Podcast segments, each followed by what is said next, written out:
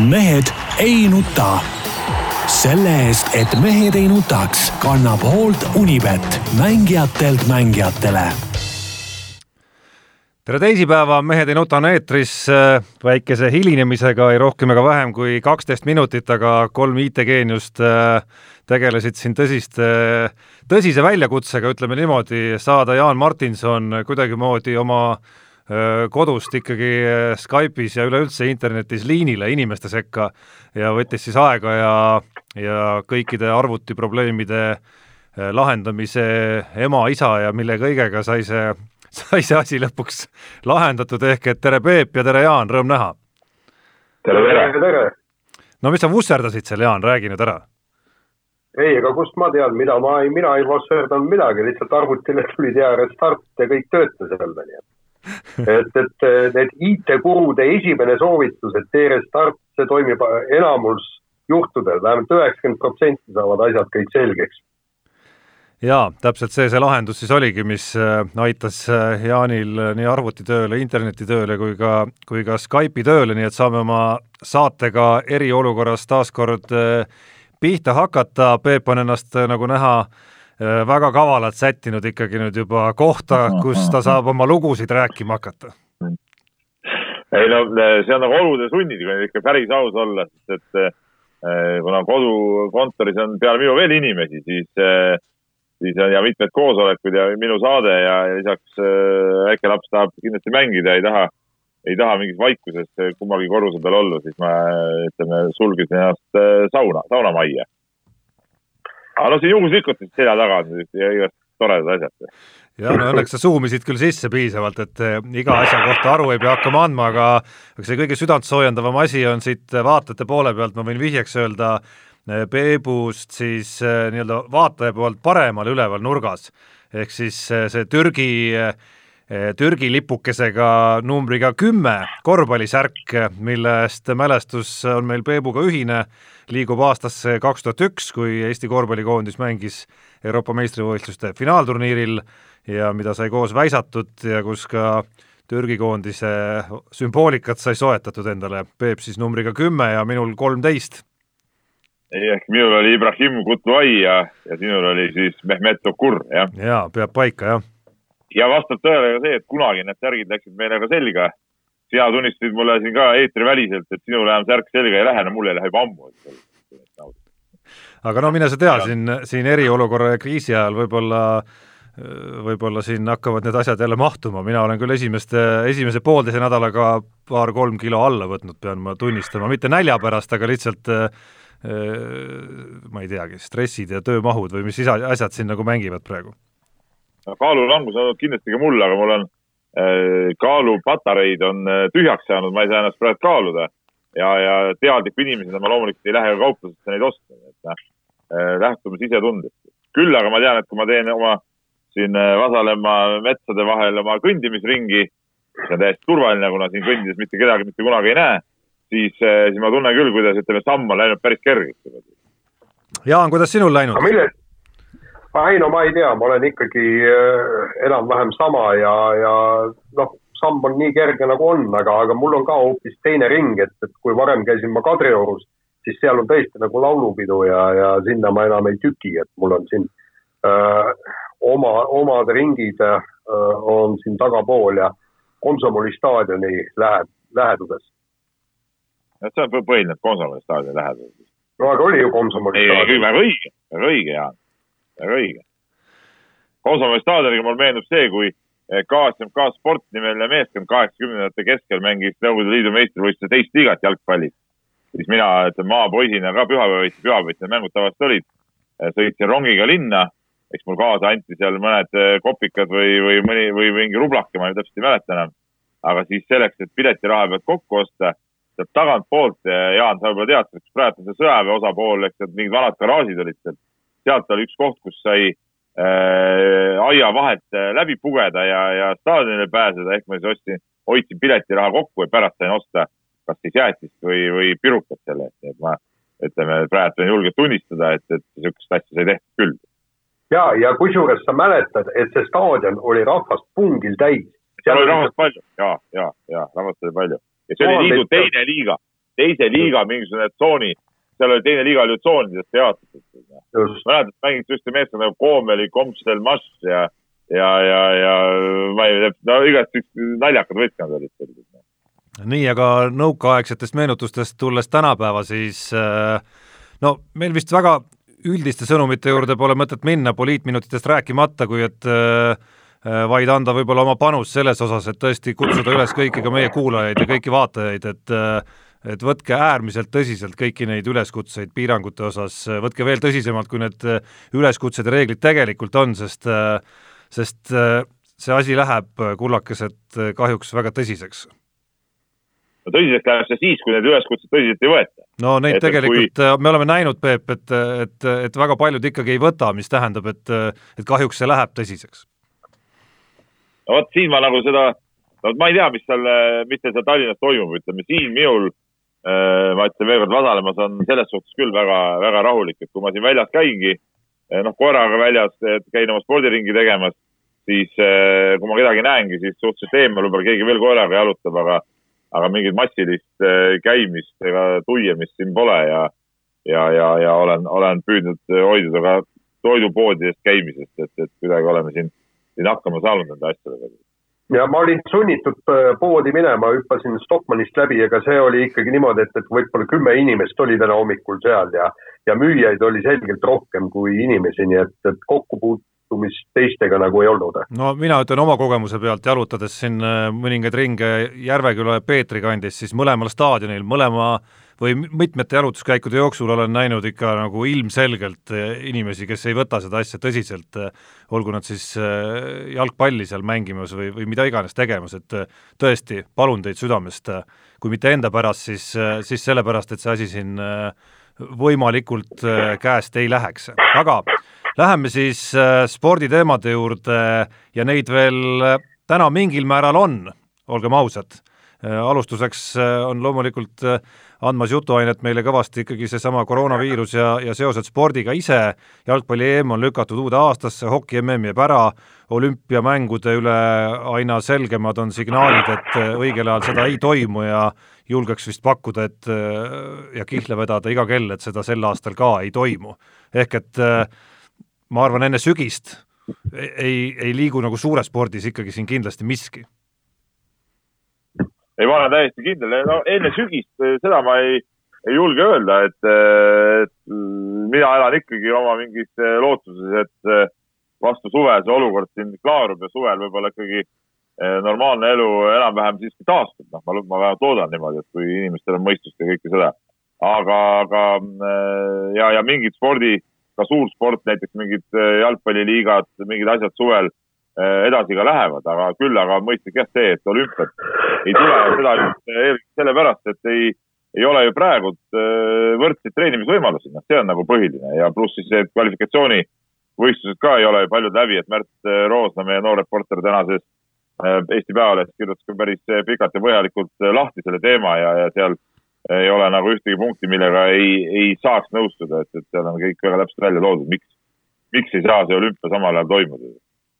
No teine asi on muidugi ju ka see, eks, et äh, olümpia toimumise ajaks peaks olema ikkagi täitsa selge, et see viirus enam ei levi, et me saame kõik rahulikult kokku tulla, sportlased ja publik, sest no mis olümpiamängud need ilma publikuta oleks.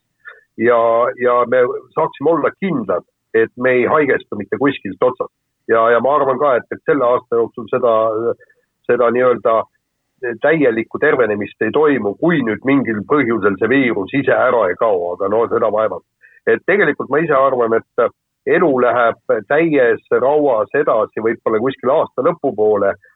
siis kui on meil olemas ravimid ja vaktsiinid. sest neid töötatakse väga jõuliselt välja ja, ja juba on väidetavalt ju leitud antikehad, nüüd käib testimisperiood ja, ja niipea, kui need ravimid ja, ja vaktsiinid on välja töötatud, nii, nii anname uuesti minna, sellepärast et siis on maailm terve taas. ja et tahtmata siin äh, pretendeerida mingisugusele äh, nii-öelda erialasele pädevusele, siis äh,, siis noh, ma saan aru, pool aastat on ikkagi miinimum, mis kulub äh, üldse mingisugusegi äh, sellise uue asja nagu ametlikult kasutusele võtmisele, mis tähendab, et, et enne aasta lõppu see noh, ei saa nagu kuidagi see rahunemine tunna. ehk äh, kui vaadata nüüd vähegi spetsialistide arutelusid ja, ja neid prognoose ja mudeleid, mida nad ette näevad, siis äh, Äh, seesama Toomas Pueyo, keda on väga palju tsiteeritud ja tõlgitud üle maailma, räägib sellisest äh, nii-öelda mahasurumise faasist, mis maailmas on käsil praegu ja siis sellest, et kui see hoog on nüüd esimene hoog on maha saadud, siis hakkab niisugune nagu tantsufaas, ehk et natuke saab hakata lõdvendama, aga noh, spordivõistlused eh, täistribüünidega ilmselgelt eh, on, ma arvan, ühed viimased asjadest, mida selles tantsufaasist saaks hakkama nagu lahti tegema, et siin eilegi oli meil endal Delfi spordis tõlgitud uudis sellest, kuidas Itaalia selles nii-öelda kriitilises faasis, kus vigu tehti, et millised eh, tohutud vead olid tegelikult need täistribüünidega mängitud jalgpallikohtumised näiteks no just nii, eh, nii ta täpselt on, aga, aga noh, ega, ega me tegelikult ei tea, et, et mis, eh, mis mõju eh, kõigel sellel nii-öelda karantiinil, mis, mis praegu toimub üldse maailma spordil on, et, et noh, see ei ole kindlasti põnev, aga, aga pigem huvitav on näha, et, et mis siis juhtub, kui me, kui me tõesti nii-öelda nii aasta pärast tullakse jälle sinna spordirajale tagasi, et millised siis on jõujooned just nagu Peep ütles, et ühed saavad praegu treenida märksa rahulikumalt kui teised. Äh, ja, ja sealt ju tuleb see meeletu vahe sisse ja, ja minu meelest, et siin äh, ikkagi noh, võib-olla mitte sportmängud, aga individuaalspordi äh, maailma kaart pööratakse võib-olla täiesti pea peale, vähemalt mingiks ajaks. no jaa, aga te räägite vaktsiinidest ja asjadest ja nii pikkadest perioodist, kas ma õieti mäletan, et need mingid SARS-id ja asjad, need ju ka lihtsalt kustusid ise ära järsku ühel hetkel no jaa, aga sel-, jaa, aga sellele loota nüüd, gripp ei ole kustunud. no gripp, no mis, no mis, no gripi kohta sa, eh, sul ei ole mingit, ma ei tea, mina pole kunagi ühtegi gripivaktsiini kasutanud, et, et et gripp ei ole nagu selline asi, mille,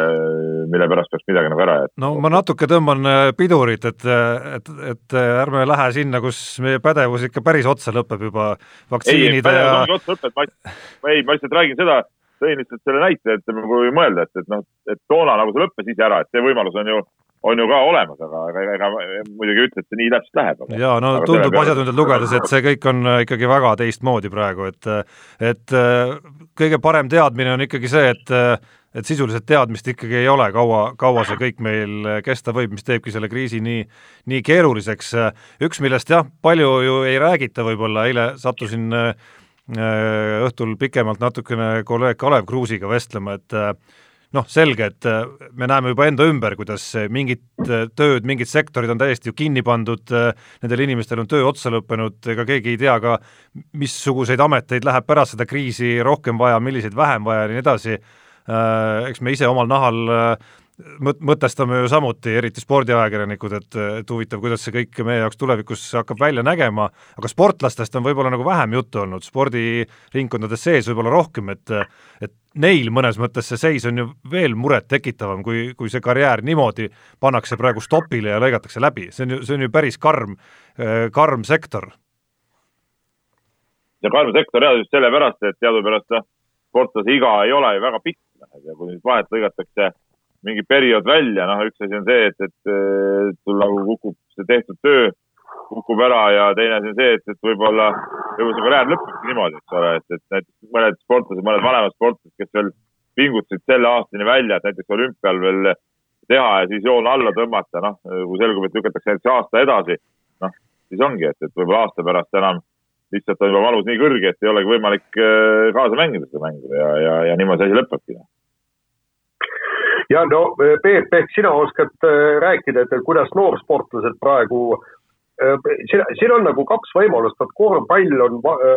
ilmselt nende alade hulka ei kuulu, kust oleks nüüd praegu võimalik mingis elemendis tugev hüpe teha, küll aga kuulub nende hulka jalgpall, sellepärast et, et praegu saaksid ju jalgpallurid tõesti, ükstapuha noored Eesti koondise mängijad tegeleda lõpuks selle füüsilise treeninguga, mis meil on alati vajaka jäänud, vähemalt Eesti koondisel. see on punkt üks ja punkt kaks on ju see, et, et praegu palun mine kuhugi hoovinurka ja, ja sa saad tundide kaupa harjutada tehnilisi elemente, palliga žongleerimist, igasuguseid trikke, nippe, kui me oleme lugenud näiteks Cristiano Ronaldo raamatut, kuidas tema võis Pepsi pudeliga žonglöörida, sisuliselt unustamatuseni ja, ja kusjuures, kui, kui see pudel ükskord ära lagunes või kada, kadus, siis talle aitas ka pudelikorgist selleks, et ennast tunniks ajaks rakkesse panna ja endal osavust treenida. et no., et praegu on ju, päevas on ju niivõrd palju vaba aega, et on võimalik teha täiesti tõsine üldfüüsiline ettevalmistus pluss kaks, kolm, neli tundi tõesti õppida palliga pallitunnetust ja palliga žongleerima, tegema igasuguseid trikke, nippe, mida iganes. miks sa ütled, see korvpalli puudutab, see puudutab korvpalli täpselt sama palju. see üldfüüsiline ettevalmistus, see, see töö kõik käib praegult edasi, et, et iga päev ma saadan, saadan poistele plaani, tänagi, kui saade saab läbi, panen uue plaani kirja ja saadan laiali ja selle järgi töö käib edasi ja, ja on siin jooksuasjad, ütleme jõuasjad, kõike seda saab teha ja no ütleme mul on suuremad poisid, siis me praegu väga palju mingile eh, tehnilisele osavusele pole rõhku pannud, ütleme palli osavusele, aga küll, aga kui siin ilmad lähevad soojemaks, saab õues eh, põrgatada, ütleme kuskil eh, rohumaal mätaste peal põrgatamine, kus palli põrge on, on erinev ja nii edasi, on see kõik, kõik väga, väga kasulik, et, et äh, igal juhul need trennid, trennid käivad edasi, et keegi keegi niisama ei vedele kuskil. aga ütle näiteks, ma arvan, et kuulajatel, vaatajatel on täitsa huvitav kuulata, et no, üks suvaline, kas või tänase päeva treeningplaan, me räägime siin siis ütleme vanuses kuusteist kuni kaheksateist, üheksateist noortest korvpalluritest. ei no eile oli neil, ma võin eile võtta, mul tänane ei ole siin veel päris käepärast, aga eilne oli, oli jooks kolmkümmend minutit, siis olid lahtijooksud sajameetrised, siis olid seal teatud tempoga niisugune, äh, ütleme teatud distantsil nägu ees, selg ees, mis imiteerib nagu, nagu korvpallimängu ka, eks ole, et edasi-tagasi seal seirete kaupa. siis seal erinevad hüpped, seal käärhüpped äh, koha peal, pluss siis jälle paar jooksusammu sinna otsa. jälle suured seeriad, eks ole, arki kokku, kükist hüpped, äh, paigal jalgade vahetusega hüpped, eks ole. edasi veel jooks peale pärast Äh, kere, kere raskusega jõud, seal kätekõverdused, äh, selg, kõht, äh, küljed, et, et niisugune korralik, no ma vaatasin, kui enda, enda poeg eile trenni tegi, tal läks ikka niisugune tund nelikümmend viis läks ära selle peale umbes. et, et, et ja, ja, ja ma arvan, et koormused on päris, päris okeid praegu. mul on tunne, et see peaks olema tegelikult äh ma ei taha öelda üleskutse, aga, aga nagu kõikidele noortetreeneritele Eestis ja mitte ainult noortetreeneritele, et, et jumala eest, ärge jätke nagu neid tegevusi seisma ja hoidke oma poisid ja tüdrukud kõik töös ikkagi sellisel kujul just. ma arvan, et vähemalt need, ütleme, niisugused tugevamad ja tõsiseltvõetavamad klubid kõik sellega tegelevad, et, et ma olen küll kuulnud siit ja sealt, et töö käib igal pool Peep, ütle, kas sa, kas sa poistega ka mingil määral suhtled, kas, kas telefoni või video kaudu või, või sellepärast, et ma eile rääkisin ka ühe treeneriga, ta ütles, et, et see nii-öelda äh, vahetu suhtlus on ka tegelikult vajalik, et, et, et poisse nagu innustada ja nendega rääkida ja kõik muu. ma ei ole mingit niisugust äh, üldist äh, videokonverentsi teinud, ma mõtlesin, mingi päev peaks selle võib-olla tegema, et, et tegelikult meil on see, see mängijate grupp, eks ole, ma olen need plaanid sinna tõstnud ja, ja, ja, ja õigemini, noh, see on nagu mängijate grupp meil, et ega treenerit mängijate gruppi ei võeta, eks ole, seal on vaja treenerit kiruda ka. et ma annan, annan poisile ja siis poiss tõstab sinna edasi need asjad. et, et äh, aga, aga ma olen ka uurinud, et, et mis nagu teised mehed räägivad ja, ja kuidas, kuidas tagasiside on, et, et noh, mul ei ole nii väiksed poisid, ma tean, meil klubis, ütleme, kel on väiksemad poisid, need teevad nagu Äh, ka videote põhjal neid harjutusi saadavad sinna videoid ette ja nii edasi ja, ja siis käib nagu, poisid saadavad videoid vastu, kuidas nad teevad ja nii edasi. ma ütlen, mul on ikkagi juba, juba siuksed äh, vanemad poisid, et, et nendega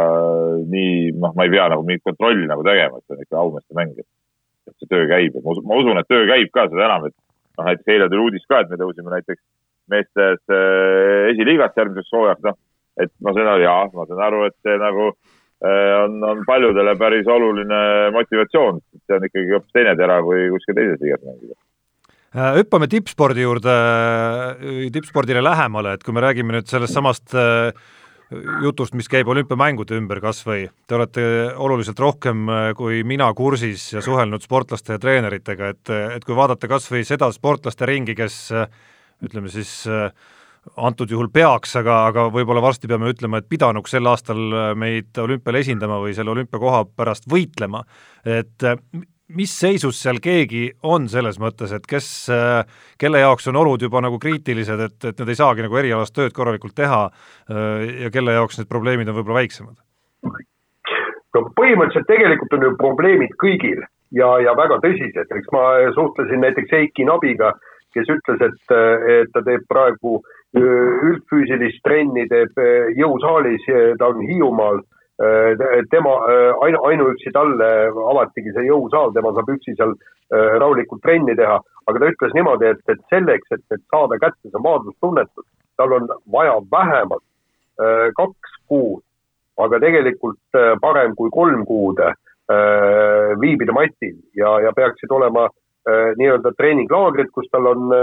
võimalus teha kõvasti sparringut, pluss peaks olema vähemalt kaks-kolm võistlust, et alles siis ta saaks äh, olümpiaküpseks. Täpselt sama on ju vehklejatel, et sa võid ju seal toanurgas seda seina torkida selle mõõgaga, aga, aga, aga see ei, see ei tähenda ju veel vehklemist. et, et, et samamoodi ka ujujad, kui ma vaatasin, eks, kuidas nad kahekümne viie meetri basseinis seal treenivad, noh, kakskümmend viis meetrit, viiskümmend meetrit bassein, need on kaks täiesti eri asja, eks ju. et, et, et, et siin on, siin on praktiliselt kõigil on probleeme, minu arvates. no probleeme on, aga iseenesest ütleme, praegu on need asjad ikkagi Eestis suhteliselt mõistlikult lahendatud, et et noh, need, kel nüüd on tarvis, ütleme, kes on tõesti olümpialootsid, saavad ikka Audentases mingit trenni teha ja praeguses oludes ma arvan, peab olema õnnelik selle küle, et nad seal kahekümne viie meetris ujulas, näiteks ujujad saavad käia.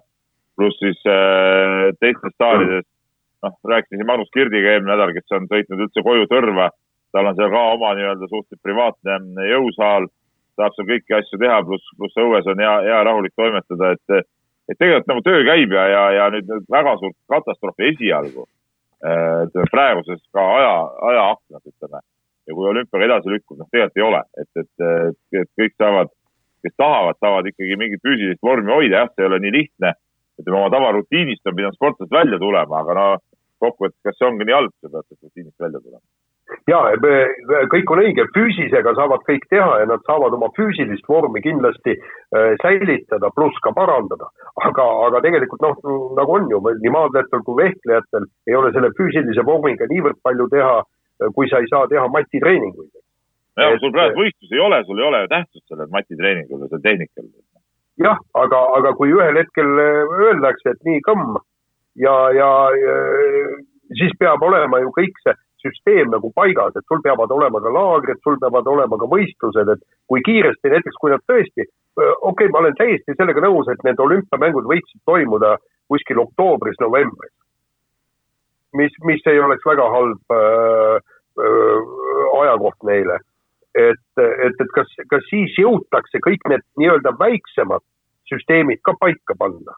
Need väiksemad võistlused, kus oleks vaja esineda, võistelda aga, aga tingimused enam-vähem, ütleme need võistluste puudus ja see on ju kõigil ju tegelikult suhteliselt äh, ühesugune. et kõigil no, see lähtekoht on enam-vähem sama. no ta on nii ja naa, eks ju. no Valgevenes ju käib tšempionaadid edasi, Hiinaski juba hakatakse piire, piire avama nii-öelda nende maakondade vahel ja nojah, pluss Hiinas on, eks ole, päris suuri maa-alasid, kus, kus seda häireolukorda polegi veel ju tegelikult tekkinud, aga meil oli üks, üks väga huvitav äh, kiri, kiri, kirju on hästi palju tulnud meile nädala jooksul, täname kõiki selle eest ja ja utsitame edasi ka men.delfi.ee ja meie Facebooki lehele neid,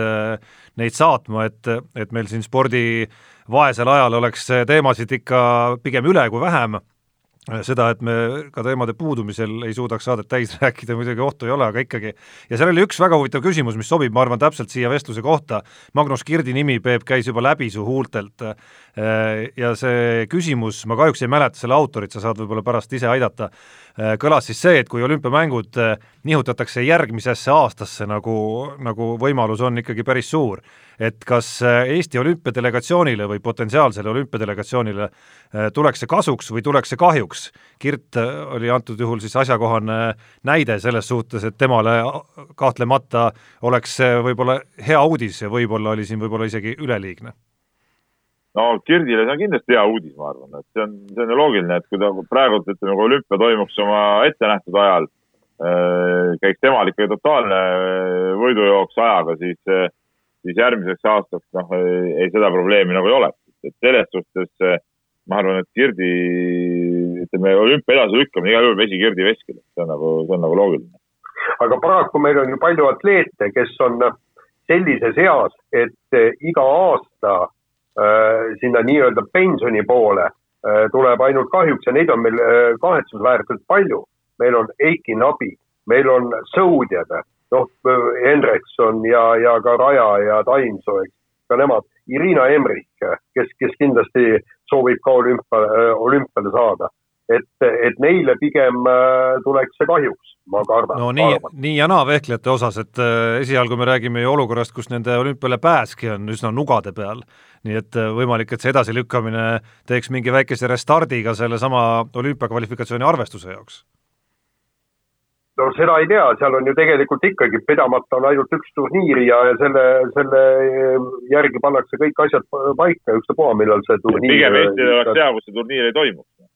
jah, aga no ma, ma arvan miskipärast, et, et nad ikkagi proovivad,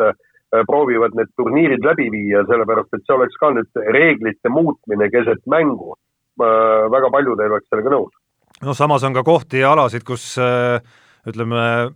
mõned äh, nooremad ja tõusvad tegijad saavad siis või saaksid aasta juurde ikkagi, et oma, oma tõus olümpiaajaks veel kaugemale viia, mis viib mõtte ikkagi meie kümnevõistlejate juurde näiteks, et seal äh, ma ei näe, et see tingimata paha võiks olla, et, et kui olümpia-aasta edasi lükatakse. Johannes Ermide arengud ja nii edasi. ja ei, seda kindlasti ja,. jah, jah. ei, ma olen nagu nõus sinuga, jah, Tarmo, nõus saatuslik vaikus saabus eetrisse. jaa, tuli üks kiri, ma hakkasin seda kirja teise silmaga vaatama vahepeal. oli tulnud aga... kiri, mida ma polnud näinud lihtsalt. aga, aga seal on kindlasti, on meil äh, ka neid atleete, kes, äh, kellele see lisaaasta annaks võimaluse üldse olümpiale saada. et, äh, et, et kes võib-olla täna seda normi ära ei täidaks, aga aasta pärast täidaks küll nojah, aga ega nad ei, selles suhtes on ikkagi nagu selge, et, et ega nad äh, päris uusi neid äh, tsükleid või, või uusi normatiive sealt kehtestama ei hakka, et ikkagi loeb see, kes praegu on ümber kvalifitseerunud, ega nendelt ei saa neid enam ära võtta, see on ka selge. Äh.... ei, seda küll, aga, aga, aga, aga lihtsalt näiteks võtame kergejõustikus, et, et kas sa arvad, et, et meil ikkagi, kuidas, kuidas see normide täitmine jääb, ütleme, kui me lükkame selle olümpia aasta, aastaks edasi, siis peaks ju järgmise aasta juunini olema võimalus neid äh, norme täita. ja seda küll, aga need, kes on juba praegu täitnud, nendelt ära ei võeta, ma ütlen seda nii, aga ma teen teemavahetuse, üks täiesti aktuaalne teema, millest äh, Eesti spordis praegu rääkida, on lähenevad Eesti Olümpiakomitee presidendivalimised. tõsi, kas need lõpuks toimuvad plaanitud ajal või ei toimu, ega seda keegi ju täpselt hetkel öelda ei oska, aga aga üks etapp sai eelmisel nädalal läbi, kolmapäev oli see päev, kus oli taotluste ja toetusallkirjade esitamise tähtaeg, Urmas Sõõrumaa ja Tõnu Tõniste on seatud üles ja nende toetusallkirjade vahe oli nüüd selline kahel mehel, mis tõstatas kahtlemata üles küsimuse, et kas Sõõrumaa kasuks on kõik juba selge? no ma kirjutasin esmaspäevasse lehte ka kommentaari sel teemal ja, ja no ma ei näe nagu siin enam mingit võitluskohta tegelikult. ma ei näe siin võitluskohta, sest see vahe on ikkagi nii suur ja, ja, ja oleks nagu ebatõenäoline, et need, kes esitasid äh, Sõõrumaa sinna kandidaadiks nüüd äh, nii suur hulk neid ümber mõtleb ja nad lähevad äh, Tõniste paati. et, et seda, seda ma kindlasti ei, ei usu ja, ja see oleks nagu natuke imelik, et miks esitad siis ühe ja seda hoopis teise poolt. okei okay,, seal oli veel kolmkümmend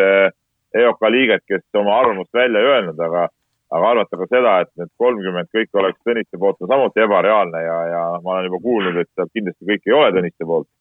Et ja, ja isegi kui kõik oleksid, ka siis oleks ikkagi vahepeal kakskümmend viis häält, et noh, siin no kuskilt otsast ei tule nagu välja seda, et oleks, oleks mingi variant äh, seda, seda mängu nüüd veel teistpidi pöörata. ja, ja need, kes ei ole praegu oma äh, nii-öelda poolt valinud äh,, pigem ma olen ka paari inimesega rääkinud ja, ja ja tundub, et nad pigem äh, astuvad ikkagi võitjalaeva ehk Absolut. siis äh, lähevad Sõõrumaale ja, ja ma kahtlustan arvama, et nad annavad ka sellest ühel hetkel teada, sellepärast et on ju väga kasulik öelda, minna patsutada tulevasele EOK presidendile, aga praegusele õlale ja öelda, näed, et ma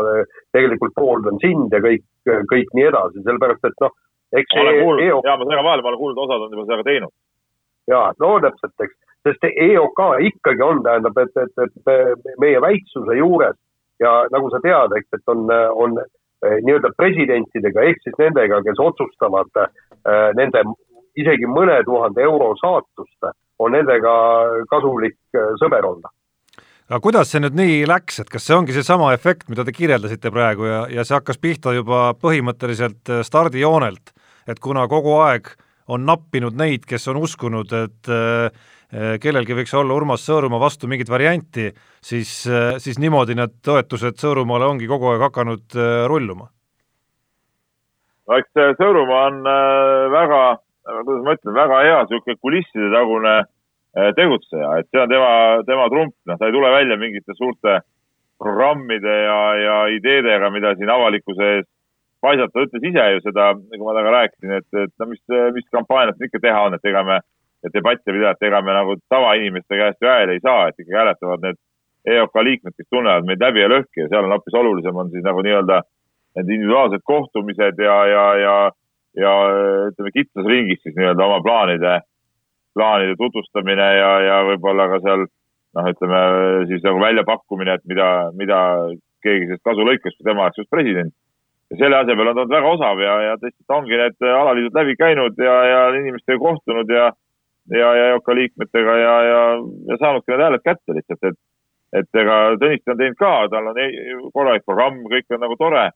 aga,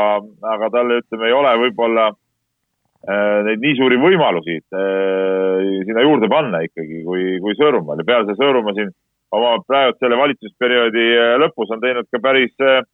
päris häid äh, käike ja kuidagi mingid teatud asjad hakkavad ju liikuma, võtame kõik need Team Estonia asjad ja, ja, ja need, need äh, rahade ja riigi rahade juurdesaamised äh, Eesti spordile, et, et noh,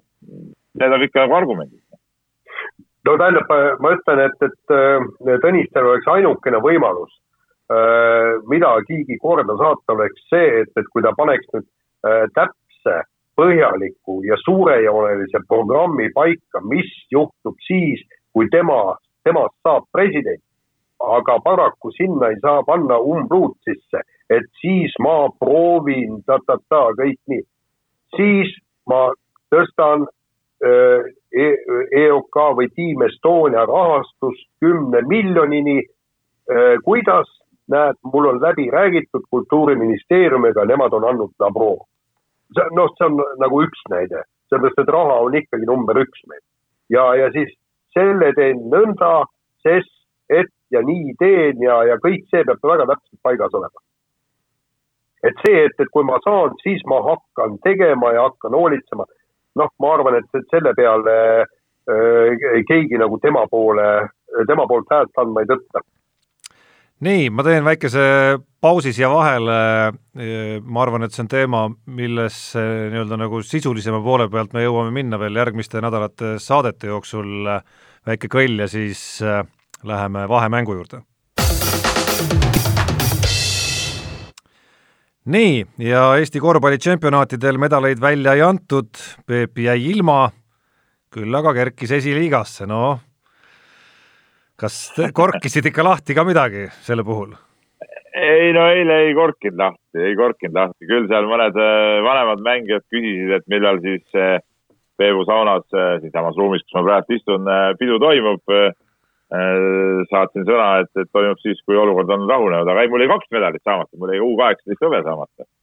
et, et see, see on isegi, isegi võib-olla sellest isegi ka natuke rohkem kahju. aga ei, no mis teha, ütleme, kui olukord on selline, kuigi mina pean nagu põhiturniiri alati nagu taseme näitaja poolest olulisemaks kui, kui neid eh, play-off'e, sest et kui sa suudad ikka läbi hooaja olla turniiritabeli tipus, see tähendab seda, et sul on ikkagi mingi teatud stabiilsuse tase olemas. et äh, kuskil play-off on ikka paras niisugune eh, loterii, jah, see põnev, see on äge. mulle endale väga meeldib play-off'i mängida ja see on, see on, see on, see on vägev. aga, aga tegelikult see põhiturniir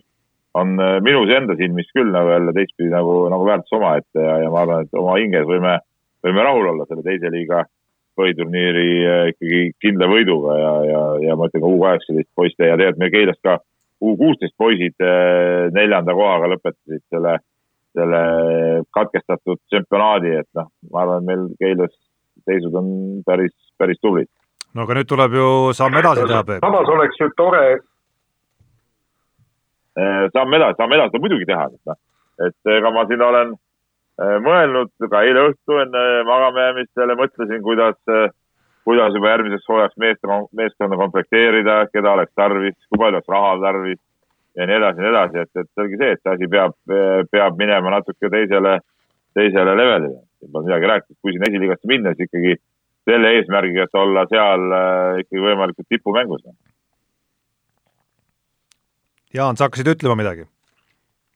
jaa, aga ma et, äh, tahtsingi öelda, et, et, et samas sinna seinale oleks need medalid ka ilusasti äh, ära mahtunud ja, ja, ja kindlasti oleks sealt olnud neid äh, ilus vaadata, aga nüüd Peep, järgmine aasta esiliiga, see tähendab seda, et, et sa pead noori äh, neegerkorvpallureid äkki palkama hakkama või?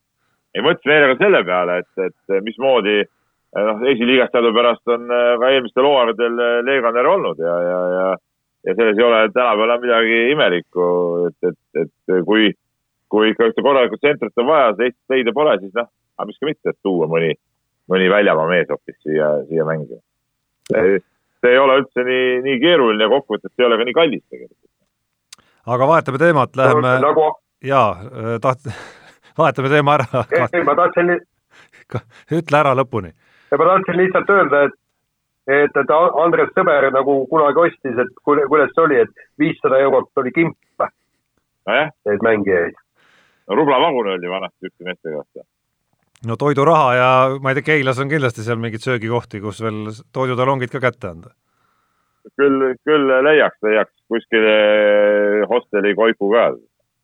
nii, aga nüüd teeme oma teemavahetuse ära, Thierry Neuville tunnistas pärast vestlust Ott Tänakuga, et Hyundai'd on keerulisem ohjata kui Toyotat ja Fordi. no selles mõttes on see kummaline, et, et Neuville kõik selle nagu välja ütles, eks me mitte ainult meie, vaid kõik ajakirjanikud on ju proovinud Ott Tänakult ju ka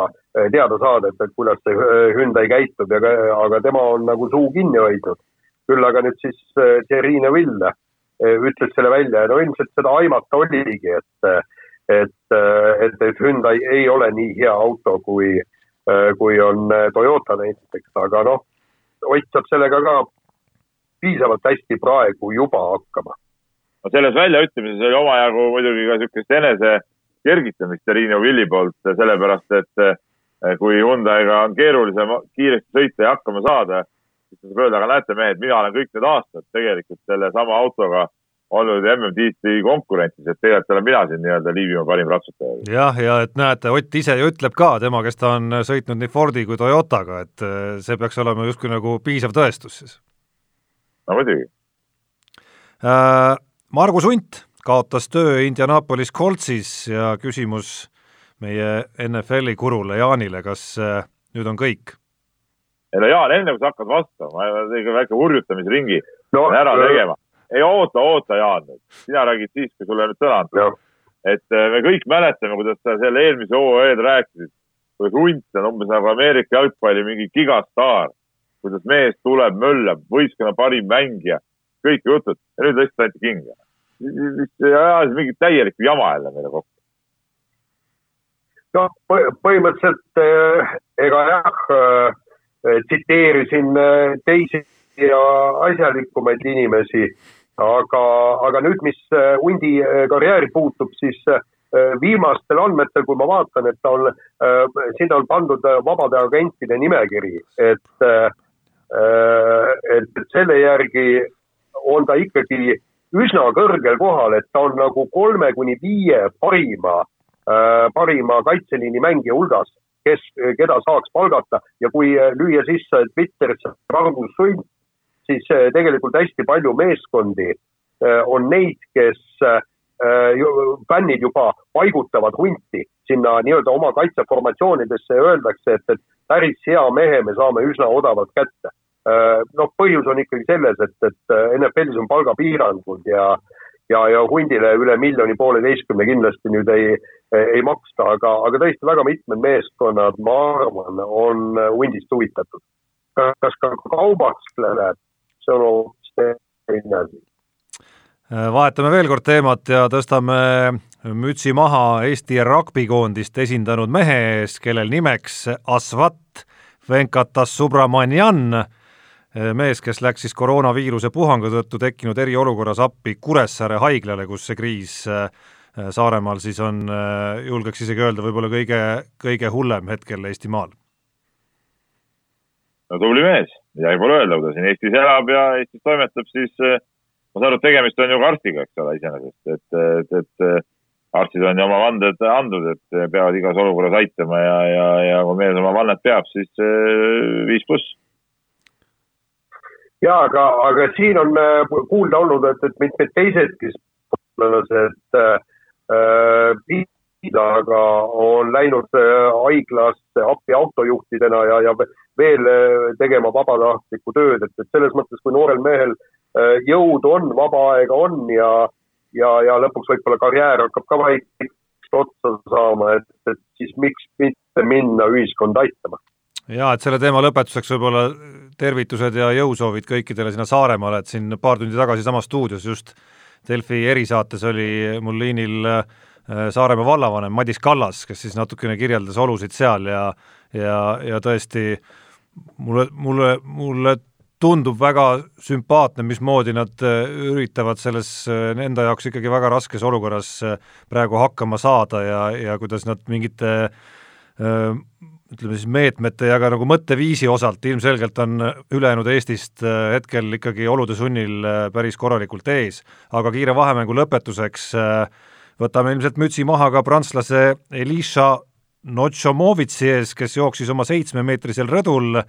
Äh, karantiini oludes siis läbi täispika maratoni ajaga kuus tundi ja nelikümmend kaheksa minutit. tehke järgi. Jaan muidugi kõnniks kiiremini. ja, ja,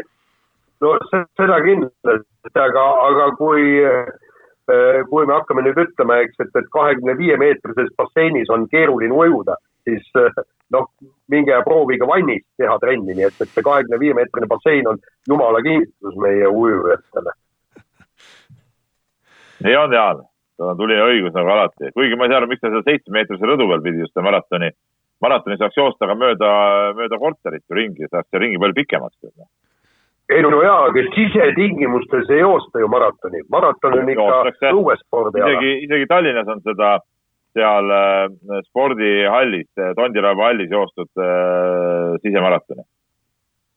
jaa, aga see ei ole päris, päris maraton on ikka õues ja sellepärast peabki päris maraton on rõdu peal et ta tahtis nagu ametlikku aega kirja ja, saada just. ikkagi, tuleb välja. aga väikene paus. Unibetis saab tasuta vaadata aastas enam kui viiekümne tuhande mängu otseülekannet. seda isegi mobiilis ja tahvelarvutis. Unibet, mängijatelt mängijatele Nonii, kas olete vahepeal Jaapani liiga mängudele panuseid pannud no need ju kat-. ei ole. ei ole ja see, see, see vastus käib ka minu kohta, aga elu eh, selles maailmas tegelikult seisma jäänud eh, ei ole. kui ütleme, ma ise isiklikult ei soovita tundmatutele aladele panuseid panna, siis siis Unibeti meie hea toetaja Leerist on meil pakkuda välja hoopis ühte tasuta mängu praegu, kus siis kõik saavad tasuta teha iga päev ühe ennustuse, kui see läheb täkkesse, siis tekib sul justkui nagu võiduseeria ja viies aprill on vist siis see, mitte vist, vaid päriselt on see kuupäev, et kellel sellel hetkel on kõige pikem äh, käsil olev seeria, õigete vastuste seeria, siis äh, see saab kuus tuhat eurot endale kontole, tõsi, ma pean ütlema, et need küsimused, mille vahel valida, on on sellised, et no ma küsin teilt ühe nagu ära tänase küsimuse näiteks. kas mõlemad meeskonnad löövad värava tänases matšis FC Magve ja Yangon United. No jaa, mõlemad on ju tuntud ründava jalg, jalgpalli ütleme lipulaevad, eriti see, mis see oli, Young Yangtze või? Yangon United. jah, Yangon ja, ja. United, noh, no see on ju, see on ju, kas see ei ole Manchester Unitedi mingi tütar, tütar, tütar, tütar, kauged sugulasklubi või? et ühesõnaga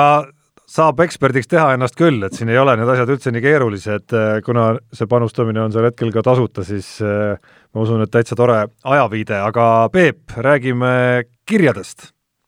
oi, kirju on palju. oleme neljakümne viie minuti peale jõudnud, ma vihjeks lihtsalt ütlen. ja ei, ma näen, mul on kompuutril on ka kell täitsa töökorras ja, ja ma näen ja meil, aga kirju meil on siin tõesti palju Äh, osad kirjad, äh, millest me juba ennem ka rääkisime, natuke praakisin, praakisin välja, aga lähme siit otsast, otsast käima ja kirjutab meile Valter ja küsimus puudutab dopingut, et kas olete kursis tänase päeva dopingumaailma käekäiguga? kas pahalased on nüüd kontrollkartusest vabad ja teevad, mis tahavad ja lähevad lähimatel suurvõistlustel tuleb kriis. peale kriisi võib näha küsimust tekitavate suurtulemuste sadu ja üllatavate nimede esile kerkimist no ütleme nii, et on ju teada, et väidetavalt dopingukontrolle praegu endisel kujul ei tehta. Äh, ja, ja, ja loomulikult ma arvan, et kes ikkagi vale mängur on, siis see praegu seda hetke ära kasutab. mis sa, Jaan, arvad? Jaan jäi äh, paigale, no Jaanil on näha siit ekraanilt juba mõnda aega on äh, on internetiga natukene pahasti, nii et ma võib-olla, Jaan, soovitan sul isegi kaamera välja lülitada, et jääb heli ainult alles. et siis vähemalt helis oled meiega, oled meiega paremini eh, kaasas selle järelejäänud saate osa jooksul, aga, aga okay. tahad sa, tahad sa midagi Peebule lisada veel?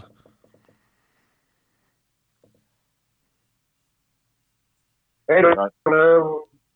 seda palju ma ei väga täpselt kuulnud praegu jah, ütleme niimoodi, et, et noh, näiteks kui mina oleks sportlane ja kui ma tahaks pilli panna, siis ma ei laseks seda dopingukontrolli endale ligi tõesti, ütleks, kuule, ega ma ei tea, mis, mis paganat ja millise viiruse sa võiksid mulle tuua, et, et kui sa tuled, siis tule täielikus kaitsekostüümis üldse ja ja, ja noh, ma kardan, et meil kaitsevahendeid on nii vähe, et, et dopingukontrollidele neil lihtsalt ei jätku.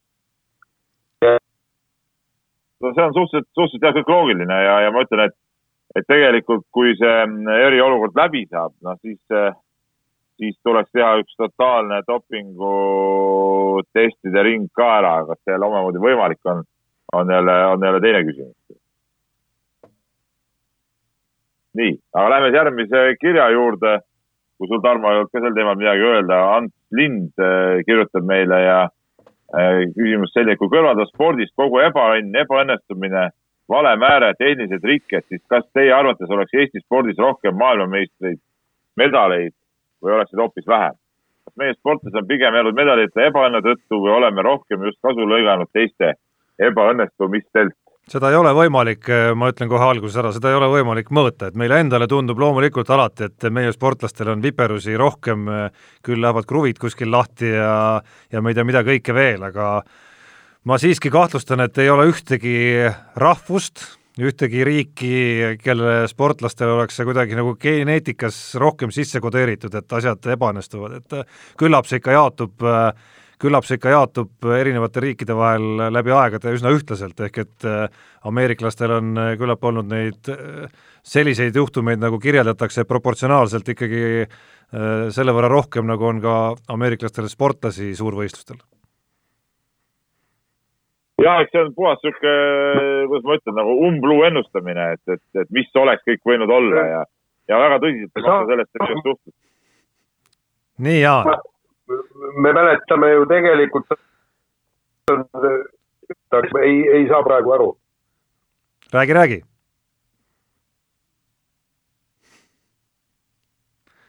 tundub, et Jaanil on lõppenud internet ikkagi äh. lõplikult otsa, aga no ta ikkagi üritab, me anname visaduse eest punktid Jaanile.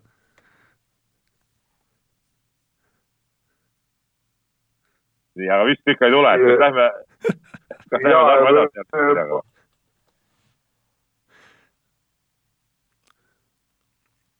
No tundub, et tuleb. huvitav see, et Jaani, Jaani hääl tuleb alati siis, kui me hakkame ise rääkima, eks ole. Et... aga, aga võtame järgmise kirja edasi, ega me ikkagi saate veame lõpuni välja. ja, Jaan, sa võid teha väikese katsetuse, ma võin sulle veel öelda, korraks kõnest lahkuda ja siis tagasi tulla, et äkki, äkki aitab, et äh, tundub, et su kodus on seal keegi juhtme peale astunud või annad abikaasale käsu ikkagi seal oma tegevused ära lõpetada, aga Peep samal ajal läheb järgmise kirja juurde. ja ma võtan järgmise kirja, järgmine kiri puudutab siis meie televisioonisporti, millest me ka põgusalt eelmises äh, saates juba rääkisime. aga kirjasaatja äh, Palle on ta nimi, on äh, selle teema juurde tagasi tulnud ja ta vaatas laupäeval Üle kahe pealt spordiprogrammi, mis kandis nime Nostalgia nädalalõpp. põhimõte oli see, et näidati erinevate talialade sündmusi, mis on soomlastele au ja kuulsust toonud. Toimus siis terve talve kasutusel olnud spetsiaalsetel talialadel kajastamiseks valminud stuudios, noh, see on ju teadupärast, seal on see spordinädal lõpp Soome televisioonis on ju, on ju väga massiivne. saatekülalistel figureeris Janne Ahonen, Sami Jauhajärvi, Kalle Palander, Kaisa Mägerainen ja nii edasi. ja kõikidel võistlustel tehti siis korralik sissejuhatus, ennustused ja nii edasi. lisaks veel lühemad äh, tipphetked mõningatest teistest sündmustest. peab ütlema, et igati lõbus oli vaadata lahti seitsmekümne kaheksanda aasta MM-i naiste teatesõitu, kus soomlased võistlesid DDR-i ehk siis Saksa Demokraatliku Vabariigi NSV Liidu sportlastega või Mati Nüganeni hüppeid kaheksakümne teise aasta Oslo MM-il, mis peeti nii suures udus, et Ahonen ütles selle peale, neid hüppeid pole kahjuks keegi veel näinud. no seda kaheksakümne teise aasta äh, Oslo MM-i mäletan mina ka väga hästi, sina, Tarmo, ilmselt olid, olid veel liiga väike selle jaoks seda mäletada, aga, aga mina mäletan äh, seda hästi ja kui mul õieti meeles on, kui mul nüüd juba mingid aastad sassi ei lähe, just seda udushüppamist ma mäletan ka siis kas mitte Oslo MM-it ei tulnud kuulus tibutants äh, esile? kas sa mäletad, Tarmo, seda? Uh, minu, ja minu teadmistes eksisteerib ka see teadmine kuidagi sellisel kujul, aga uh, no Peep, sa tead, alles eile ja tegelikult ka nädalavahetusel ma mingit sarnast mõtet just edastasin, mis puudutab ka tegelikult meie telemehi, eriti siis Eesti Televisioonis, kellel seda arhiivi ja ja ülekannete pagasid, just need, neid nii-öelda ajaloolisi asju võiks olla tegelikult ju päris korralikult salves ka, et et tõesti üleskutse Tarmo Tiisler ja, ja, ja kompanii seal, et selle asemel, et et seal kodus aega viita, ütleme siis niimoodi, ja, ja rääkida sellest, kuidas äh, eelkõige, et kuidas igavust siis peletada, mis võtetega siis jumalast kihvte asju saaks teha, et võtta, ma ei tea, üheksakümne esimese, üheksakümne esimese aasta Kalevi liidu meistriks tuleku korvpalliülekanne näiteks ja, ja panna sinna tänapäevane Tarmo Tiisleri kommentaar, justkui see üritus toimuks reaalajas, panna sinna peale, ma arvan, et see võiks olla nagu väga kihvt Äh, korvpalliõhtu sinna teha veel samamoodi, nagu meie kirjasaatja kirjutas, mingisugused muud kellad ja viled ja ja asjad juurde, tõsta see siis nagu tänapäevasesse sellisesse, sellisesse kastmesse, kuidas me kajastaks seda üritust siis, kui kui see asi toimuks täna ja, ja samamoodi, ma ei tea, Calgary, noh, ma õiguste teemades ei ole nii kursis, kellele nad kuuluksid, aga seesama Calgary legendaarne Allar Levandi sõit, kui kui Eestimaa tuledes, Eestimaa kodudest tuled ei kustunud ja ja nii edasi ja nii edasi, et väga kihvte asju annaks tegelikult teha. Jaan on ka tagasi. seda pakub, seda pakub välja ka kirjasaatja, ta siin pakub just, et et diiselid ja vennad võtku stuudio ja hakaku rahvale meelelahutust pakkuma ja ja, ja ütleb ka nii, et härra Saarel peaks need ameti maha panema, kus spordiameti juht ütleb avaldusena, et kui sporti peale ei tule, siis neil midagi teha ei ole, et, et Äh, pangu õige inimene sinna positsioonile, aga tead, peab kiitma natuke TV3 sporti, äh, kes on tegelikult ju umbes sarnase asja võtnud, küll mitte nii suurte tulede ja viledega. küll aga siin nädalavahetusel näidati ka, ma isegi vaatasin paari vana NBA mängu, kus äh, noh, räägiti peale, seal räägiti ju palju ka muud juttu sinna kõrvale. aga noh, see, seegi on normaalne ja, ja seal Jassikjavitsused ja Piedrinsid ja, ja mehed jooksid, jooksid ringi ja päris, päris äge oli vaadata ja sai siin vaadatud ka, ka Euroliiga siin Final Fouri Äh, mänge ja, ja igast huvitavaid asju saab näidata praegu, kui, kui neid õigusi on, et selles suhtes, selles suhtes täitsa, täitsa õige värk ja tulebki niisuguseid asju teha, et inimestele ka mingit meelelahutust pakkuda. Sa, kas ma olen nüüd kuuldav? jaa, täiesti. olen isegi nähtav, jaa. jaa, okei okay et, et, et põhimõtteliselt see on kummaline kuulata, kui, kui siis nii-öelda AK uudiste ankur ühe sõnaga ütleb, et, et Tokyo olümpiamängud ilmselt lükatakse edasi, sellega ta paneb punkti, ega ta sellest suurt midagi rääkida ei oska. meie kirjutame sel teemal pikki artikleid, on ju. Ja, ja, ja nüüd siis äh, sporditoimetus leiab, et, et Eesti rahval ei ole äh, tele, teleri kaudu äh, põhjust ega vajadust sellest pikemalt rääkida. sa kujutad ette, kui hea, nad oleks saanud ju kõik Skype'i kõnet teha meie meie olümpiasportlastele küsida, et, et, et kuidas, kuidas teile see olümpiamängude ärajäämine mõjutab ja, ja kõik, mis te teete, sealt oleks ju niivõrd palju saaks ju teha. et, et see on minu meelest täiesti häbiväärne.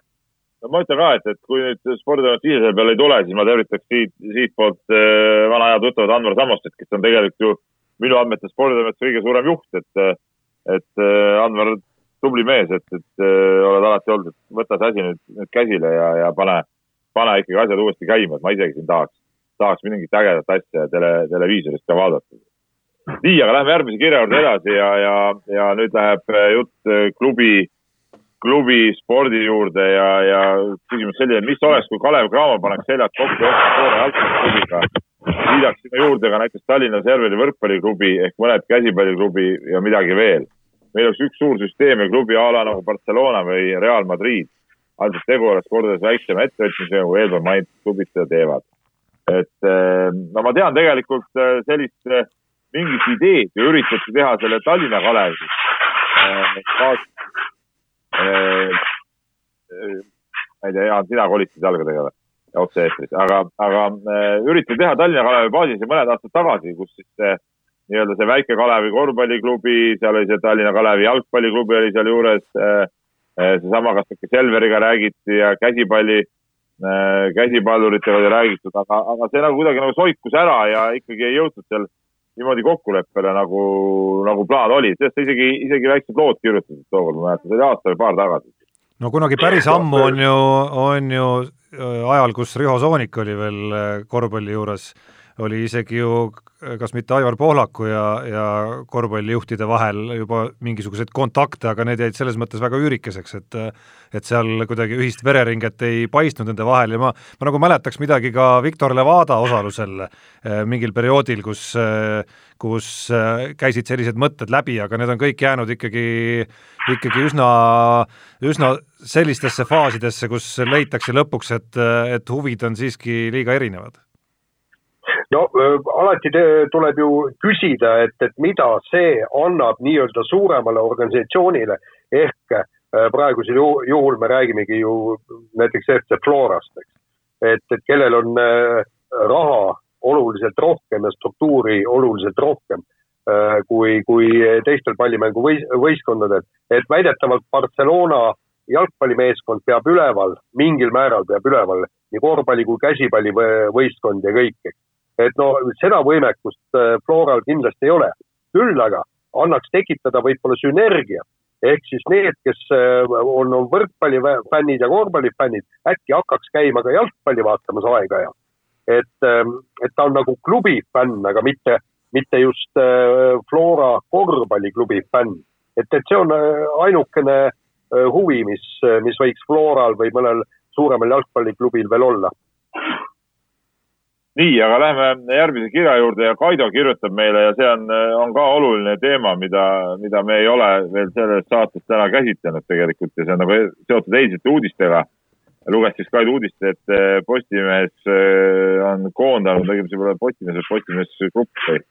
koondanud eh, Marko Kaljuveeri ühes oma kompaniiga ja kas, küsib siis, kas viitab sellele, et maakeelseid olümpiaülekandeid ei saagi äkki näha kui Postimehel on selleks eh, rahad otsas. jutt käib sellest, et Marko Kaljuveer ja lisaks peale tema veel neli, eh, neli inimest tema toimetusest, eh, vabandust, kolm inimest vist, tema veel, koondati ära eile. ja, ja nüüd ongi küsimus olümpiamängude ülekannetest kõigepealt ja, ja teiseks ka sellest, et mis saab kõikidest nendest spordiülekannetest, mis on Kanal kaheteistkümne ja Kanal kahe ja nende ekraanidele koondatud, et, et siin nagu küsimusi on õhus väga palju tegelikult. no seal on äh, küsimusi võib-olla, millele peaksid äh, siis Postimehe grupi juhid vastama, aga, aga mina esimese hooga küll ei suudaks nagu seda välja lugeda, sest noh, selge, et kõik kõik, noh, meediaväljaanded ja meediagrupid vähemalt, aga, aga laiemas pildis ettevõtted üleüldse, kelle, keda see kriis puudutab, on sunnitud, noh, see on, siin ei ole, see on ellujäämise küsimus, on sunnitud otsima neid mooduseid, kuidas, kuidas äh, kulusid kokku hoida ja ja eks neid teid on ju erinevaid, me teame, meie enda ettevõttes on toimunud äh, nii-öelda ühtlane palgakärbe inimestel, äh, teine tee on siis minna ja, ja koondada neid inimesi vähemalt mingiks perioodiks, keda sul sellel perioodil tõenäoliselt ikkagi ju üldse vaja ei ole ja ja eks see spordiülekannete osakond antud juhul kvalifitseerub Postimehe jaoks ju selgelt sinna lahtrisse, et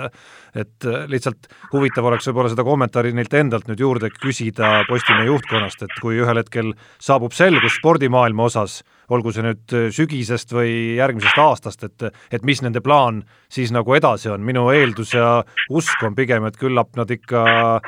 küllap nad ikka siis selle osa jälle käivitavad. minu arust äh, siin oleks sama asi, millest rääkisime, et ETV võiks teha, et miks, miks Kanal kaks, Kanal kaksteist võiks niisuguseid spordisaateid teha, nagu me ETV-le praegu välja pakume, seda esiteks. teiseks, kui sa need inimesed praegu ära koondad, no kust sa need pärast tagasi saad sinna, et, et miks, miks nad peaks sinna pärast tagasi tulema, seda enam, et kui sul on, on olümpiamängud äh, ikkagi noh, okei okay,, kui nad lükkuvad edasi või toimuvad aasta pärast, kui sul need õigused on ja sa tahad neid näidata, noh siis minu arust on väga, väga lühinägelik küll nende totaalne osakonna koondamine, et see, äh, ma saan aru kõikidest kärbetest ja, ja palgakärbetest, aga ütleme mingil määral see osakond oleks pidanud ikkagi tööle jääma, ma arvan. Võib-olla pigem ikkagi selles, et nad tahavad üldse olümpiaülekandest loobuda ja, ja mulle teeks see nagu hea meelt, et teadupärast ma olen alati olnud seda meelt, et olümpiamängud peavad olema riigitelevisioonis ja tasuta, tasuta teles nähtavad ja ma väga loodan, et, et, et Kanal kaks ja Postimees Grupp üldse loobub olümpiaülekannetest ja, ja nüüd ERR-ile ja valitsus annab ERR-i jaoks selle jaoks ka lisaraha, et need olümpiamängud siis äh, ära teha tegelikult. see oleks, see oleks väga õige asi minu arvates aga tegelikult on asi ju selles, et ega me seda tagapõhja ja tausta siiski, siiski täpsemalt ei tea, et, et äh, me räägime praegu neljast inimesest. kas selle nelja inimese panus oli noh, sedavõrd suur kui nelja inimese panus, ehk siis Peep, see on ju pool meie sporditoimetus. kas, kas selle nelja inimese panus ja ma kujutan ette, et nad ei saanud vähe palka, et kas nende panus oli piisavalt suur võib-olla on seal küsimusi otsida, et võib-olla ühe inimese nad oleksid, oleksid jätnud äh, sealt alles äh, aga, aga kas oli vaja nelja inimest no,? ma päris, ma päris, ma päris nagu konkureeriva kontserni kaadri küsimustesse nii detailselt ei läheks, aga ma arvan, et põhiküsimus on ikkagi ja, ja, ja see küsimus, millele me tegelikult ei oska vastata ja ma ei ole kindel, kas keegi praegu oskab, on üldse, mis nendest õigustest ju saab, et siin päris mitmed koostööd, mis mis, mis olid ja, ja ülekannete paketid, mis olid, et tegelikult ei oska ju keegi öelda, kas kas need kõik kehtivad edasi samal kujul, mismoodi seal toimuvad mingite asjade hüvitamised, võib-olla on see olnud valdkond tõesti, Peep, nagu sa viitasid, kust Äh, Postimees ongi tahtnud ennast nagu välja rohkem tõmmata, sest neid andmeid on, et ka nendesamade olümpiamängude õiguste osas äh, on nad äh, juba enne kriisi, eelmisel aastal olid need jutud nagu tugevamad, otsinud tegelikult neid võimalusi, et et äkki ikkagi on Eestis näiteks ETV, kes võtaks selle asja üle, et, et me ei tea, mida need, mida see eriolukord praegu kõikide nende lepingute jaoks üldse tähendab. absoluutselt nõus sinuga ja ma ütlengi, et et mina poleks saanud käsi, kui olümpia läheks ikkagi oma õigesse koju tagasi ja olümpiamängude jalgpalli MM-ide kodu on ERR ja erakanalitel ei tohiks olla isegi varianti neid endale saada, need on, need on nagu siuksed üldrahvaliku huvi asjad, mis peavad olema tasuta äh, nendes äh, kanalites kättesaadav. no eks mõlemad, eks mõlemad kontsernid, erakontsernid siis telemaastikul, kes on siin nende samade olümpiamängude õigustega äh, kuidas öelda, õnne proovinud siis, et esmalt ju tegi seda TV3 grupp ja, ja, ja seejärel siis Postimehe grupp, mulle tundub kõikide märkide järgi noh, sai nagu natukene kõrvetada ikkagi, et, et, et nii finantsilises osas kui ka selles osas, et, et mida see olümpiamängude ülekandmise kohustus tegelikult tähendab. Nii, kirju muidugi veel palju, aga ka kella, et ma võtaks praegu viimase kirja tänasesse saatesse, et ja see on minu arust väga hea kiri, et Kaarev kirjutab ja küsimus selline, tere mehed. selline küsimus praegusel ajal, kuna inimesed on kodudes, siis kas olete ise vaadanud või oskate nimetada oma lemmikuid spordiga seotud filme, kas dokumentaalfilmid või mängufilmid? küsige terved, Kaarel. no nii, hakake meid rääkima, mis on teie lemmikspordifilmid? Noh, ütleme niimoodi, kui mina alustan, siis minu, minu jutt on ikkagi küllaltki lühike, et, et ma telekat ei vaata, kinos ei käi, nii et, et nendest filmidest ma, ma suurt ei tea, ma olen siit kuulnud. kindlasti te oskate paremini, paremini rääkida, aga noh, mõned niis, niisugused filmid olen elu jooksul läbi vaadanud. noh, see oli rohkem nagu pesapalliga seotud filmid ja, ja dokfilmid mõned, eks, aga kindlasti oskaksin äh, soovitada, on üks pesapallifilm äh,, on äh, pealkiri on Bull Durham äh,. ja, ja see, see on tõesti, see on äh, väga kihvt film, kus, äh, kuidas üks äh, veteran koolitab välja noore kuke ja kes siis äh, lõpuks läheb, jõuab suur, suurliigasse ja, ja ääretult südamlik ja tore film, et, et seda kindlasti soovitan. ja ma pean tunnistama, et et siin oleks võinud natukene kodutöö paremini teha, et need filmi tiitlid äh, paremini nagu meeles oleks selle küsimuse vastamise ajaks, et ma võib-olla isegi lükkaks selle nädala korra edasi, et see vastus oleks, äh, oleks kvaliteetsem, et et üks, mis mulle noh, selge, Rocki filmid on legendaarsed, on ju, et see on nagu kuidagi lihtne ja elementaarne, isegi kui sa neid nüüd vaatad ja saad aru, et seal on seda primitiivsust äh, ka ikkagi päris palju, aga, aga see on klassika, aga noh, Jerry Maguire näiteks, kus Tom Cruise oli, oli siis spordi, spordiagent näiteks on minu arust, minu arust näiteks väga väga hea film ja, ja noh, mul tuleb meelde veel mingeid eluloofilme kindlasti ka ja, ja no dokfilme kindlasti viimasest ajast, mis noh, näiteks seesama Ikaros, mis räägib dopingu äh, kogu sellest äh, Rodtšenkovi ja selle saagast, et äh, kellel on vaba aega siin, äh, kindlasti soovitan seda, seda vaadata näiteks ja, ja no mingeid selliseid, selliseid, selliseid meenub mulle nagu esimese hooga, kui ma nüüd Brauti pean vastama. aga Jaan, ma pöörduksin nagu Tarmo muidugi sellest asjast ei tea midagi, aga Jaan, legendaarne film Karatar, kas sa mäletad? Jaa, mäletan. oi, see, see on kõva film, et äh, otsige see üles, see kuskil äh,, kuskil see on, see on äh, kuskil kolme... kuskil kolmekümnendatel on see tehtud, ma pakun välja või? ja, jah. jah, et ja, äh, lõppes ju sellega, et kuidas mees tormas, väravat tormas rünnakule ja vastaste väravaht oli täielikult segaduses ja, ja, ja, ja lõpuks lõi selle värava ära, tead. ja see, see oli legendaarne jooks, see oli niimoodi, et, et väravaht tõrjus ära penaldi, viskas endale palli ette ja jooksis vastaste värava poole, kusjuures äh,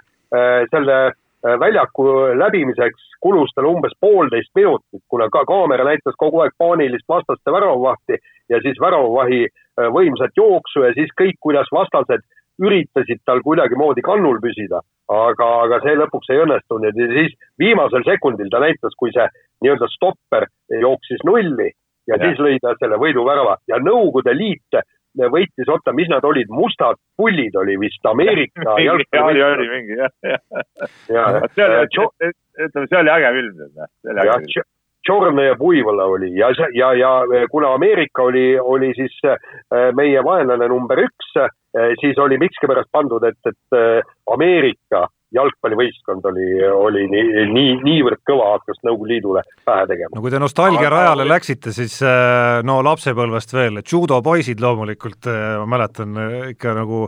nii raamatuna kui filmina, see on siis lapsepõlvest eelkõige ja siis ma mäletan ka Äh, sellist filmi sealt Nõukogude aja lõpust nagu Küljetuul, seda, seda mäletate ka teie kindlasti väga hästi, mis ja, kuidagi ja. oli niisugune hektiline küll võib-olla, aga aga kuidagi lapsepõlvest on ta eredalt äh, meelde jäänud, ma arvan, et see on hea koht, kus kõikidele meie kuulajatele teha ka üleskutse, et äh, et sellele samale küsimusele oota, et, et sellele samale küsimusele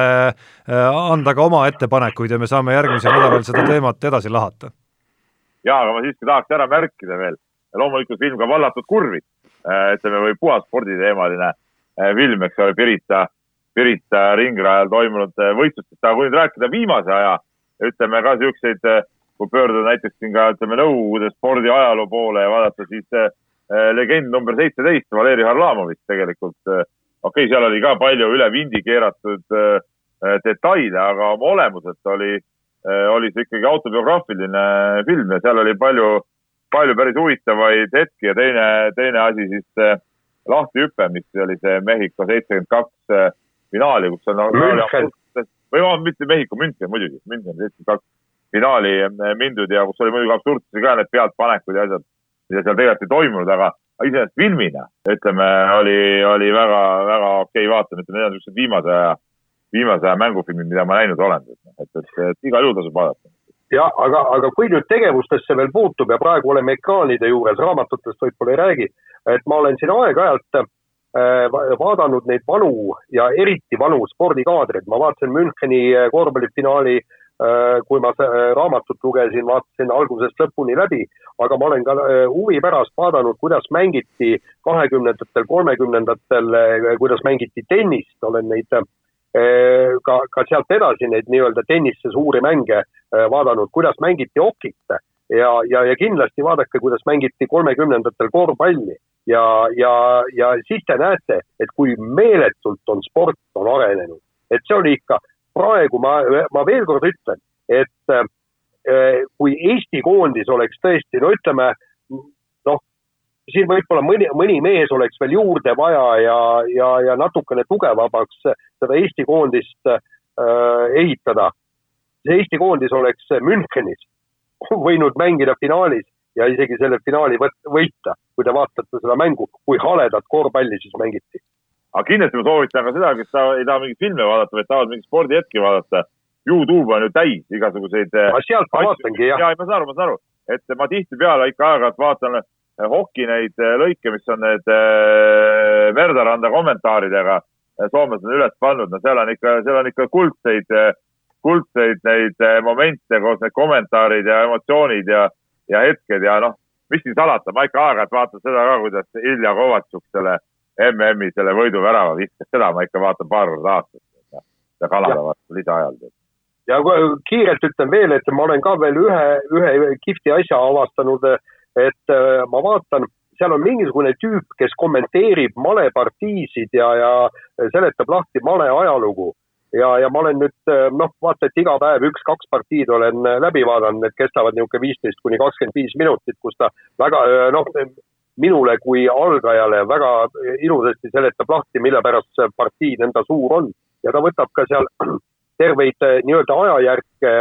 lahti ja näiteks ma praegu vaatan Capablanca nii-öelda eh, elulugu ja mängulist arengut ja ma olen kuskil poole peale jõudnud, ta analüüsib seal Capablanca partiisid, siis tuleb Murphy tuleb sealt edasi ja Fischer ja kõik, et et need ma kavatsen äh, kindlasti nüüd läbi vaadata, hästi kihvt asi on. siin kiire guugeldamise abiga lihtsalt mm. ja mälu värskendamise mõttes äh, väikest listi ette manades, üks film Hollywoodi poole pealt, mida ei ole võib-olla aus jätta mainimata selles nimekirjas, on Raging Bull Robert De Niroga peaosas ja, ja Martin Scorsese film on see kaheksakümnendast aastast, et äh, ma ei tea, kas te olete näinud seda või mitte, aga, aga aga see on nagu sporditeemalistest filmidest vaieldamatult üks, üks legendaarsemaid. aga ma mäletan veel lapsepõlvest muuseas kinos, seda vist enam ei leia, oli niisugune motoringrajasõidu film Hõbeunelmaga võidusõitja, ma ei tea, kas sa, Jaan, mäletad seda? mäletan, see oli mototsikli vend, eks ju? mototsikli vend ja ta filmi lõpus äh, lõpetas võitjana ja siis pani hunnikusse, eks ole, tead noh. just. ja, et, et see oli, aga ma ei tea, kas seda enam kuskilt leiab, see oli, see oli, no see oli mingi lääne film, mida Nõukogude ajal meie kinodes näidati. ja, ja sealt tuli üks film, aga see, sina olid selleks veel, veel võib-olla liiga noor, oli Grand Prix, kus näidati vormeli vormelisõidufilm oli ka umbes analoogne kui see hõbeunelmaga võidusõit. nii, ma tal oli, ma nüüd tsikkel oli tal hõbedat, sellepärast oli hõbeunelmaga ma nüüd, ma nüüd katkestan ikkagi, äh, äh, kuna rekord on püstitatud igal juhul meie saate ajaloos, aga mõistlik on neid rekordeid nagu Sergei Pupka uuendada siiski nagu sammhaaval, mitte korraga viie minuti kaupa, siis siis tõmbame siia piiri peale võib-olla kaks väikest teadaannet siia saate lõppu veel, üks nendest, äh, üks nendest väga kurb ja teine oluliselt rõõmsam, ma arvan, et et kogu spordiüldsus ühineb meie kaastundavaldusega meie hea sõbra Priit Leito lahkumise puhul, meie endine kolleeg ja mees, keda mäletame kui üht kõige suurema õhinaga meest, ükskõik mis teemal temaga juttu ka kunagi tuli, meie ülisage külaline kunagi Õhtulehe sporditoimetuses, et mitte öelda igapäevane aga äh, rõõmsama poole pealt, äh, mis päev homme on? kolmapäev. jaa, kolmapäev. kolmapäev on tore päev no Peep, räägi, kas tuleb pidu, virtuaalne kas või, kas me võime oodata, et et meie kõikide terrassidel on homme, ma ei tea, no ütleme kell tööpäev võiks seal lõpupoole juba olla, kell kuus-seitse on kuskil ikkagi mingisugune varustus korralikult pandud üle Eesti laiali tassitud kulleritega ja siis võtame kõik virtuaalselt liinile ja Peep Pahv viiskümmend võib alata. no ütleme nii jah, eelkõige pidu äh, meis eneses, eks ole, kuidas öeldakse selle kohta, aga nojah, ütleme päris suurt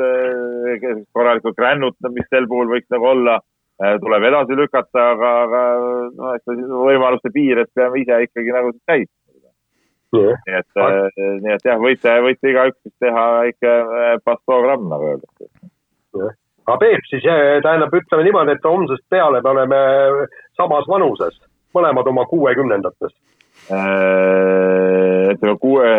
kuuendat kümmet käimas siis. just, jah ja,, täpselt. aga sa, sa kohe liigutad edasi, nii et. Ja, ja minu, minu rõõm on kahtlemata see, et äh, Äh, nüüd läheb päris pikki aastaid äh, veel, kuni ma Peebuga jõuan sama kümnendeid käima, nii et asjad on selles mõttes hästi paigas, aga üleskutse siis võtta väikene, väikene Tšibiritski homme suure päeva puhul, aga teha seda ikkagi omaette ja kodus, mitte koguneda suurtesse gruppidesse, selle kõigega oodake, kui eriolukord on läbi ja, ja koroonaviirus on lõplikult maha surutud. tänud kuulamast-vaatamast, oli tore näha teid ja oli tore kohtuda kõikide teiega, kes te kuulasite-vaatasite, kohtumiseni järgmisel teisipäeval!